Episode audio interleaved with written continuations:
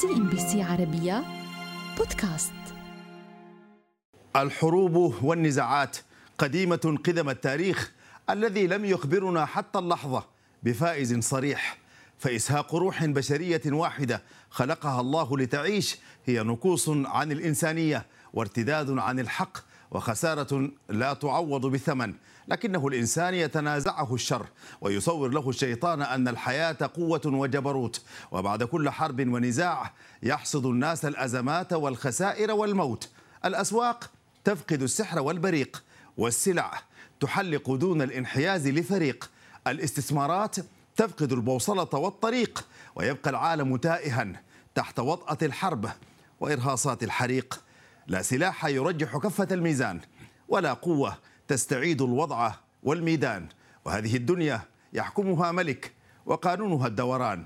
فكما أدنت تدان هل تدري يا إنسان؟ أهلا بكم. اذا مشاهدينا في هذه الجولة وفي هذه الحلقة من تحت الضوء والحرب حاضرة وليتها لم تحضر لكنه الواقع من خلال هذه الحرب الأخيرة التي تنشأ بين روسيا وأوكرانيا وهذا الدخول الروسي وبالتالي تداعياته وتأثيراته وسندخل معكم في هذه الجولة في فزلكة تاريخية عن ما الذي يحدث في العالم في أسواق السلع وفي أسواق العملات والأسواق بشكل عام والاستثمارات تاريخيا عبر النزاعات والحروب حول العالم ولا شك في أن خسارة البشر والإنسان تبقى هي التي لا تقدر بثمن. إذا أرحب بكم وينضم إلينا هنا في الاستوديو السيد ريتشارد تومسون وهو رئيس التحرير في ميد. أهلا وسهلا بك معنا. وينضم إلينا أيضا من باريس الدكتور نادر حداد المحلل الاقتصادي. أهلا بكما ضيفي الكريمين. وأبدأ بضيفي هنا في الاستوديو سيد ريتشارد. أهلا وسهلا بك معنا ولا يخفى عليك الوضع المتأزم في العالم والتوتر الجيوسياسي الذي أفرزته المواجهة الأخيرة بين روسيا وأوكرانيا. نود أن نعود معك تاريخيا يعني حتى على مستوى التاريخ الحديث نسبيا حتى نشرك معنا الناس في ما يتعلق بأسعار النفط والهزة التي تحدث لها في الأزمات قبل الدخول في هذه الأزمة. Well, it's, it's clearly um, inevitable that when there من is الواضح أنه لا يوجد مناص عندما يكون هناك توقف للمعروض ترتفع أسعار النفط ثم بعد لد...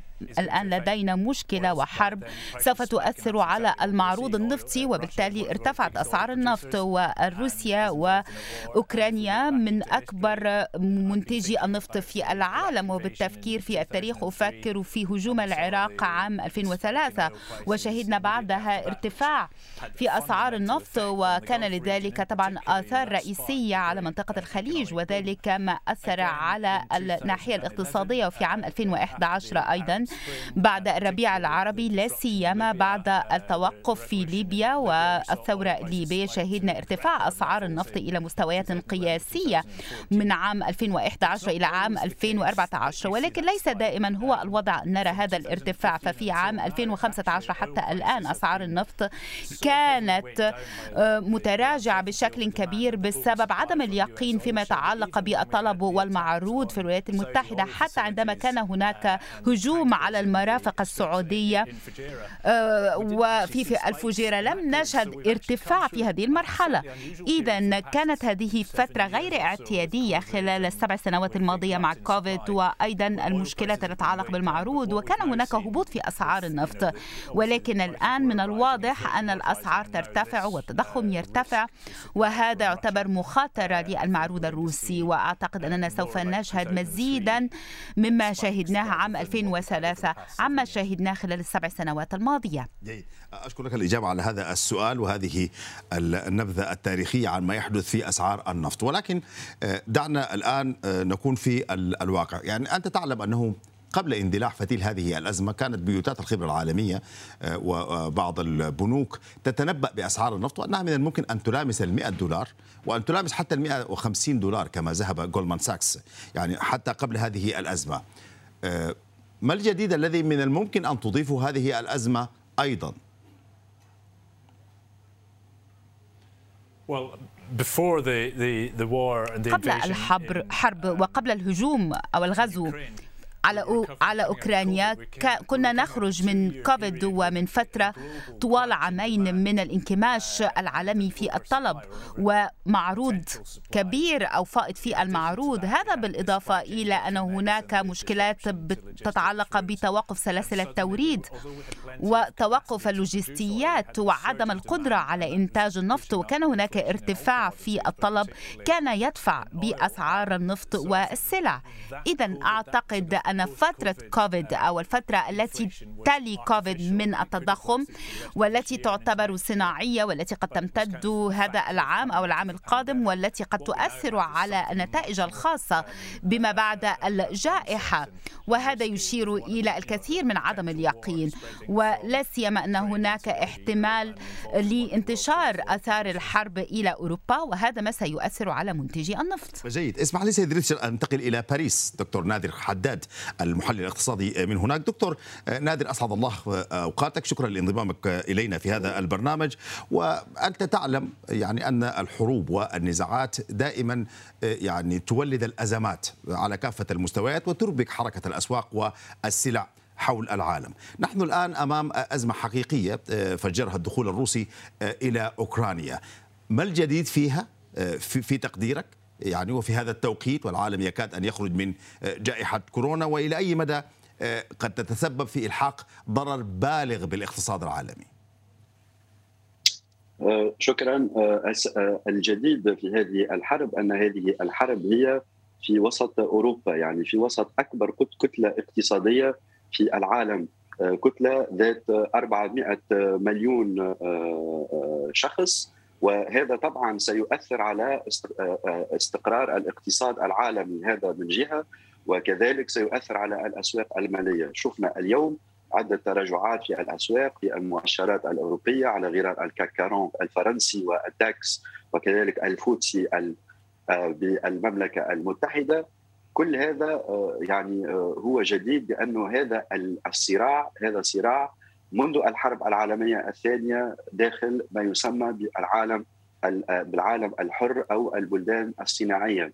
لذلك هذه الحرب هناك نرى أن هناك حذر حتى على المستوى التعامل مع هذه الحرب. هناك عدة يعني خطوات يتخذها الحلفاء وحلف شمال الأطلسي منها العقوبات الاقتصادية، اليوم الحديث على عقوبات اقتصادية مدمرة للاقتصاد الروسي مثل عزل روسيا على شبكة السويفت الذي هذا سيؤدي إلى يعني عزل سويسرا ماليا على العالم. هذا الجديد في هذه الحرب وكذلك نرى أن هناك يعني البلاد البلد الذي يهاجم هناك تراجع للروبل الروسي بتقريب إلى 30% صباح اليوم وتراجع في مؤشر ال MOEX الروسي كذلك ورفع سعر الفائدة الأساسي ل 20% كل هذا نعتبره سابقة لأنه لأنه هذا الصراع هو صراع بين قوى عظمى. شفنا الصراعات كانت صراعات في الشرق الأوسط مع بلدان ليس لديها ثقل اقتصادي ولكن لديها ثقل في ال في ال النفط. اليوم هذه الحرب يعني هي حرب بين قوى اقتصادية وبين كتل اقتصادية صحيح. جد كبيرة وهذا سيعطل طبعا الحركة الاقتصادية في العالم. والأهم أنه سيعطل ويذكر بالحرب العالمية الثانية التي نشبت في أوروبا. نعم، اذا هي حرب الكبار. وبالتالي سيد ريتشارد ضيفي هنا في الاستوديو يعني حرب الكبار تستخدم فيها الأدوات ذات العيار الثقيل ولأول مرة نجد لأول مرة نجد أن سلاح النفط والغاز يدخل ضمن هذه المعادلة الآن عقوبات تفرض على موسكو وبالتالي موسكو لن تسكت بطبيعة الحال لديها أوراق ضغط فيما يتعلق بالغاز الروسي وكذلك النفط. يعني إلى أي مدى قد تستخدم هذه الأسلحة وما هي انعكاساتها على المشهد النفطي؟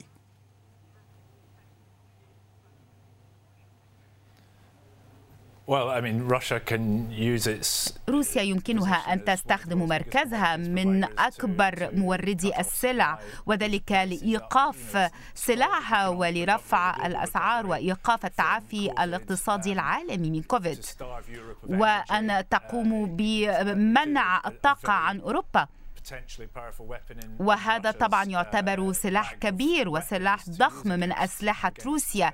تستخدم ضد أعدائها في الغرب ولكن طبعا سيؤدي إلى إيقاف مصدر للدخل بالنسبة لروسيا إذا قامت بذلك. وأعتقد أن هذا مجال لم يتم التخلي عنه في الوقت الحالي وأعتقد أنه مجال مهم وقطعا هذا ما عرض أن يكون أعتقد أن ألمانيا والاتحاد الأوروبي لم ينتبهوا لهذا الأمر وأنهم قاموا بالاعتماد على الغاز الروسي وهذا يدعم أيضا بعض الأسئلة والتي تتعلق بأنه ينبغي أن يكون هناك تنويع لمصادر الطاقة الأوروبية وأعتقد أن هذا السلاح تستخدمه روسيا وأعتقد أنها سوف تستخدمه عندما يحين الوقت. نعم. آه سيد دكتور نادر حداد في باريس. يعني لا شك في أن الضربات الاقتصادية تجاه موسكو أصبحت أكثر إيلاما خاصة في الإجراءات الأخيرة وعزل سويفت وما إلى ذلك. ورأينا يعني تحركات روسية لمحاولة اتقاء هذه الضربات. لكن في المقابل كيف لموسكو أن ترد اقتصاديا هذه المرة؟ ما هو السلاح الذي بيدها ومن الممكن أن تستخدمه؟ موسكو ليس لديها العديد من الأسلحة الاقتصادية لأنه موسكو هي محاصرة بين شركاء اقتصاديين مثل الولايات المتحدة الأمريكية وحجم المبادلات. هي مبادلات ضخمة مع الولايات المتحدة الأمريكية تصل إلى 35 مليار دولار. وخاصة أن هناك سوربلاس يعني أنه هناك تفوق في الصادرات الروسية على الصادرات الأمريكية وهذا يعني يعني وهذا ما ما يجعل انه الاقتصاد أو الصادرات الروسية منكشفة على الاقتصاديات الأخرى. أكبر ورقة ممكن أن تلعبها روسيا هي هي سلاح النفط الغاز الطبيعي في حالة قطع الإمداد كما تفضلتم به في الاستوديو يجب على الاتحاد الأوروبي والبلدان الموردة النفط أن تعتمد أو أن تنوع من وارداتها. ولكن نرى أن كذلك أن الأزمة الاقتصادية الحقيقية التي ستعيش ستعيشها روسيا شفنا انه كذلك العقوبات الاقتصادية بعد ضم جزيرة القرم قد أثقلت يعني كاهل الاقتصاد الروسي وتراجع الاقتصاد الروسي ب 10% يعني لا يجب أن يتم يعني لا يجب أن يكون هناك استحقار لهذه العقوبات الاقتصادية، هذه العقوبات الاقتصادية لديها يعني ثقل كبير على الاقتصاد الروسي خاصة في حالة عزل روسيا وعزل البنوك الروسية. يعني نحن نعلم أن البنوك الأوروبية ليس لديها انكشاف كبير على البنوك الروسية لذلك لن تكون هناك أي خسارة في حالة تعثر روسيا بعدم سداد الدين إن كان الدين سيادي أو ديون لبنوك أو شركات. اليوم هناك دعاوي في الاتحاد الأوروبي لسحب يعني إلى إلى سحب ال stakes من العديد الشركات على غرار British Petroleum التي تنوي سحب يعني كتلتها من شركة النفط الروسية. سيد ريتشارد ضيفي هنا في الاستوديو يعني أنت تعلم أن أسعار النفط في الفترة الأخيرة أصبحت تتجاوب مع تطورات الأوضاع على الأرض فيما يتعلق بهذا النزاع الأوكراني الروسي بالأمس بمجرد محاصرة كييف بشكل كبير رأينا أسعار النفط تعود من جديد إلى مربعات ال 100 دولار حتى 103 دولارات.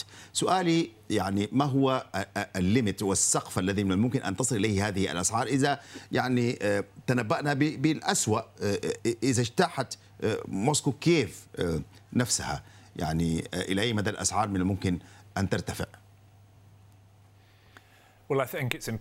أعتقد أنه من المستحيل أن نقول ما هو الحد فهناك الكثير من الأمور المسيطرة ولكن إذا كان هذا الصراع سوف يستمر أو حتى يتوسع عن هذه النطاقات أعتقد أن أسعار النفط سوف ترتفع أكثر من ذلك. لدينا فائض من قبل مجموعة أوبك هو بحوالي 4 مليون برميل يوميا.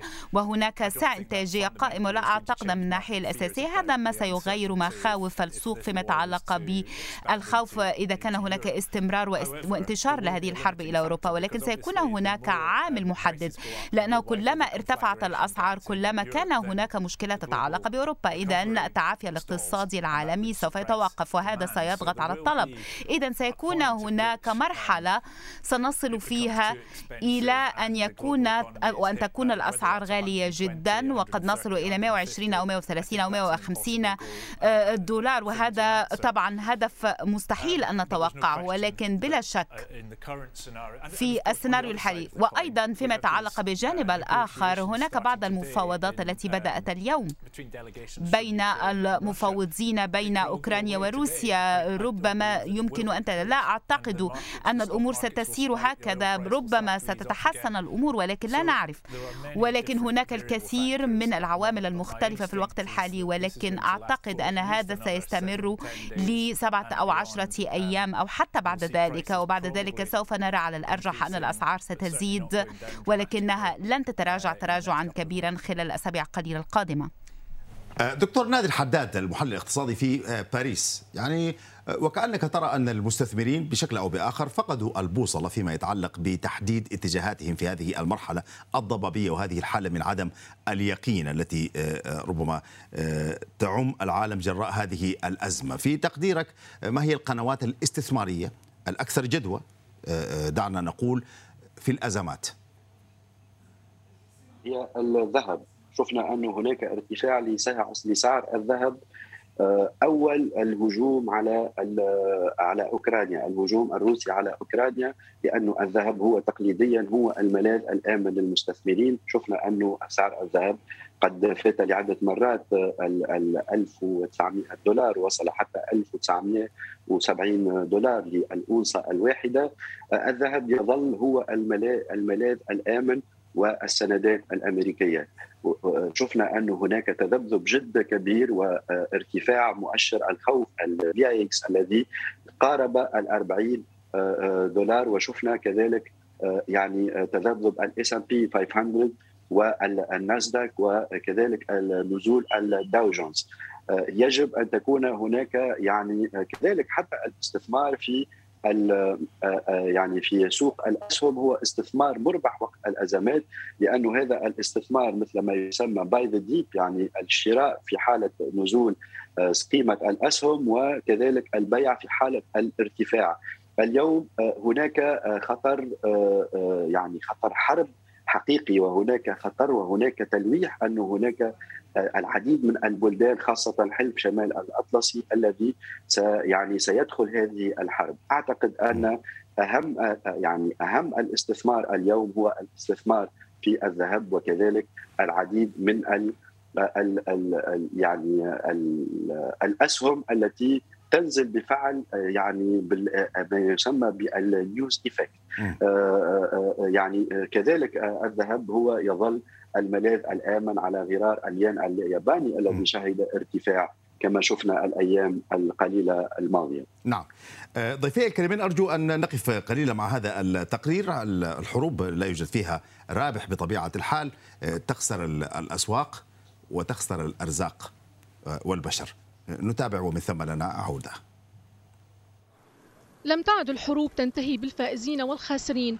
معظم الحروب التي اندلعت منذ الحرب العالمية الثانية انتهت بلا منتصر. فالحرب قضية طويلة الأمد. تخلف ما تخلف وراءها من ضحايا بشرية وتداعيات نفسية واجتماعية واقتصادية. بدءا من انهيار البنى التحتية ولا تنتهي بالشعور بالإحباط مع سماع صوت صفارات الإنذار وهلع الأطفال. على الرغم من أن حياة البشر لا تقدر بمال فإن الخسائر في عالم الحسابات تقدر بالدولار.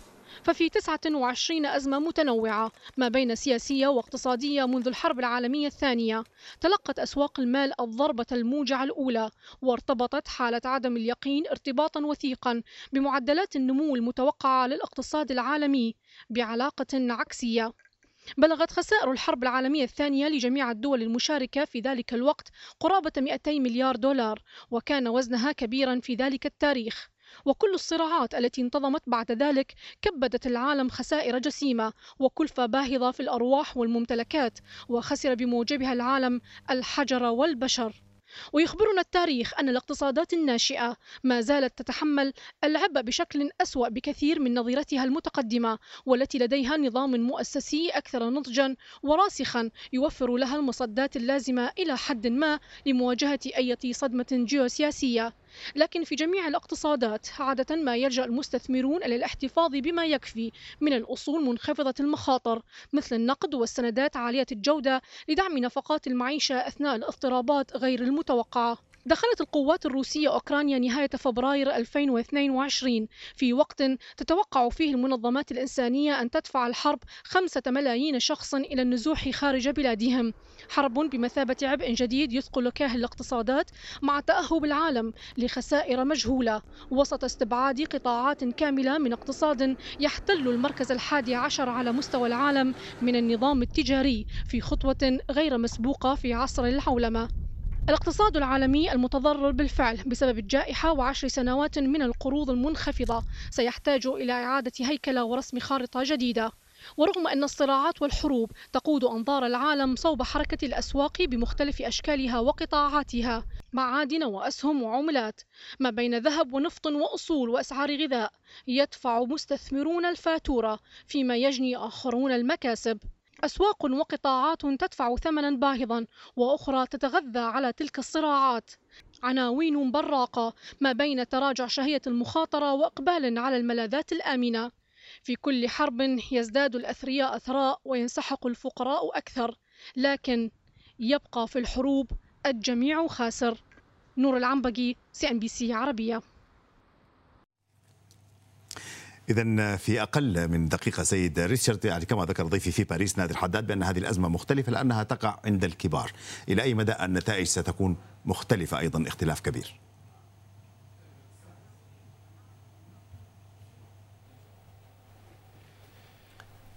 Um, So I think there are many, أعتقد أن هناك الكثير من الاتجاهات التي يمكن أن نبدأ منها وأعتقد أن ما شهدنا حتى الآن هو أمر غير متوقع على الإطلاق. لم يكن هناك من توقع أن روسيا سوف تهجم أو تغزو أوكرانيا أو أن يكون هناك أي هجوم أو استجابة من الناتو أو من أوروبا وهذا سوف يؤدي إلى تصعيد الوضع أكثر مما كنا نتوقعه. نحن نتوقع هذا لم نتوقع هذا الأمر ولا أعتقد ولا يم وأعتقد أنه يمكن أن نؤدي إلى تهدئة الوضع من خلال المفاوضات وعلى الجانبين أن يبدأ في الحديث والتفاوض. ولكن السؤال ما الذي يرغبه الأشخاص في الحدوث؟